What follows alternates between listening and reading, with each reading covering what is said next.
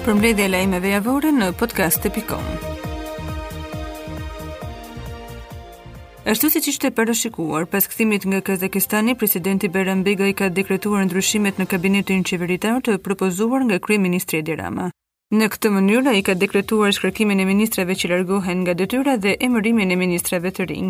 Kujtojmë që të hënën më 4 shtator, gjatë asamblesë së Partisë Socialiste, kryeministri Edi Rama njoftoi 7 ndryshime në kabinetin qeveritar. Ai bëri me dije shkarkimin e Olta Xhaçkës dhe në postin e ministrit të Jashtëm vendosi Igli Hasanin. Në Ministrinë e Ekonomisë dhe Financave vendosi Ervin Metën, ndërsa Delina Ibrahimajn e caktoi ministre shteti për sipërmarrjen duke zëvendësuar Edona Bilalin. Në Ministrinë e Shëndetësisë vendosi Albana Koçiun, ndërsa Ogerta Manastirliun e kaloi në Ministrinë e Arsimit duke shkarkuar Evis Kushin. Ministre e Bujqësisë u caktua Alina Denaj, ndërsa Frida Krifca u shkarkua. Në kabinetin qeveritar të Ramës do të ketë edhe një ministri të re, ajo për pushtetin vendor, të cilën është caktuar ta drejtojë Arbian Mazniku.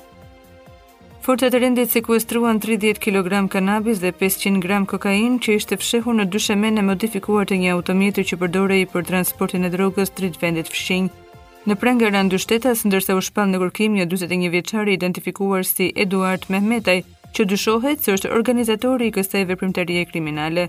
Lënda narkotike kanabis ishte ndarë në pako të vogla të presuara me qëllim trafikimin drejt Greqisë. Në vijim u ushtruan kontrolle në brendësi të banesës së shtetasit me iniciale EM, ku u gjetën tre peshore elektronike, një sasi e konsiderueshme ambalazhesh për paketim, doreza plastike, makineri presimi dhe mjete të tjera që përdoreshin për përpunimin dhe paketimin e lëndës narkotike, tha Panganika. Policia thotë se vijojnë hetimet për identifikimin e personave të tjerë të përfshirë në këtë grup trafiku të drogës. Partia Demokratike e drejtuar nga Lulzim Basha ka zhvilluar mbledhjen e Këshillit Kombëtar pas Kuvendit Kombëtar të 2 shtatorit. Basha në fjalën e tij përpara anëtarëve të rinj tha se Partia Demokratike ka humbur kohë të çmuar duke u marrë me probleme të pak politikanëve, por theksoi se detyra e tyre është të jenë në shërbim të shqiptarëve. Basha tha se për të ndërtuar të ardhmen para se gjithash demokratët duhet të rindërtojnë partinë.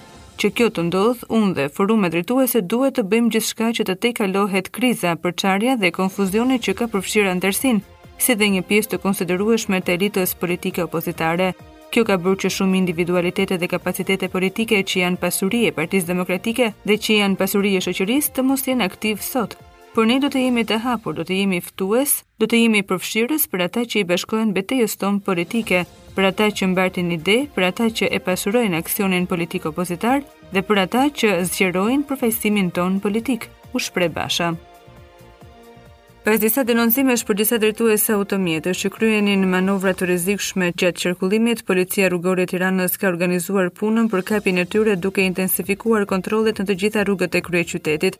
Gjatë kontrolleve të ushtruara janë konstatuar automjetet e paraqitura në video dhe ndaj drejtuesve të tyre janë vendosur masat administrative 40.000 lekë të rinj, referuar nenit 139 si dhe 100.000 lekë të vjetër, referuar nenit 146 të kodit rrugor. Policia rrugore e Tiranës apelon përmes një njoftimi që drejtuesit e mjeteve të tregojnë kujdes në raport me rregullat e qarkullimit rrugor.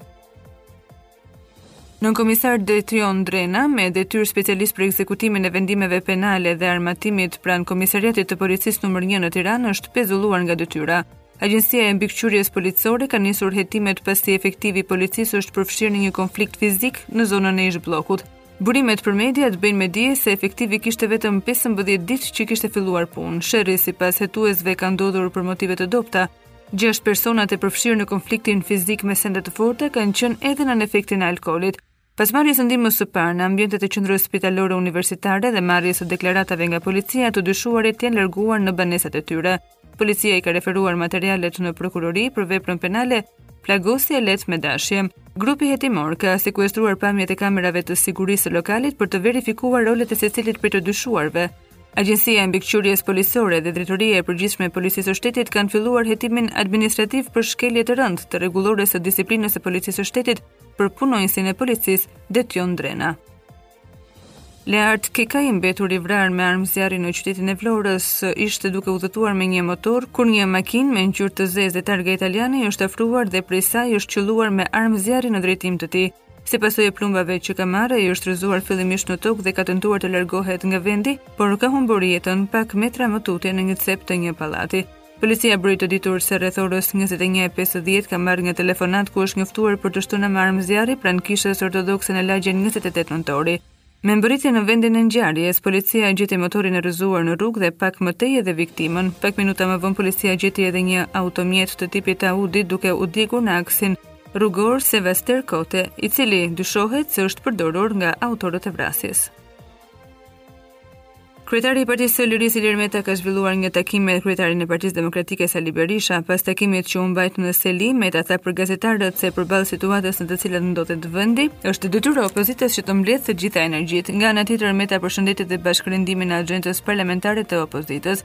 Në këto kushte kaq degraduese në të cilat ndodhet situata në shtetin e së drejtës, në këto rrethana ku skandalet e qeverisë dhe korrupsionit të saj mbivendosen dhe ndërkohë kur problemet ekonomike, sociale rëndohen dhe vazhdon të shprehet edhe në fenomenin e largimit apo shpopullimit, është detyrë e opozitës të bashkojë të gjitha energjitë e saj dhe shoqërisë në rivendosjen e shtetit të së drejtës, demokracisë dhe llogaridhënies.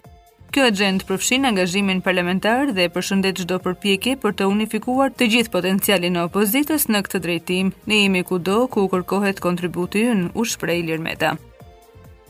Verdhëza apo hepatiti B siç njihet nga mjekët ka filluar të bëhet shqetësues në këtë stinë. Në spitalin infektiv në Qendrën Spitalore Universitare Nënë Tereza brenda javës janë shtruar 25 pacientë që paraqisnin simptomat e kësaj sëmundjeje dobësi, temperaturë të lartë, dhimbje kyçesh dhe zverdhje të lëkurës. Mjekët thonë se ka shumë të tjerë të cilët janë drejtuar poliklinikave apo nga mosdija kanë kaluar sëmundjen pa u kuruar. Shkak për përhapjen e verdhëzës mund të jetë bërë uji i ndotur, por edhe ushqimet e skaduara. Drejtori i Ujësjellësit mohon që përhapja e verdhëzës mund të jetë bërë nga uji i pijshëm, pasi është bërë monitorimi i tij në të gjitha lagjet e kryeqytetit dhe analizat kanë treguar që uji është brenda normave të lejuara të Organizatës Botërore të Shëndetësisë. Ndërkaq edhe Inspektoriati i Higjienës pas analizave të bëra ka publikuar të njëjtat rezultate me ato të Drejtorisë së Ujësjellësit, Specialistët e këtij inspektoriati këshillojnë të mos konsumohet uji i depozitave apo puseve, pasi të dyja janë burime sëmundjesh dhe ndotjes së ujit të pijshëm.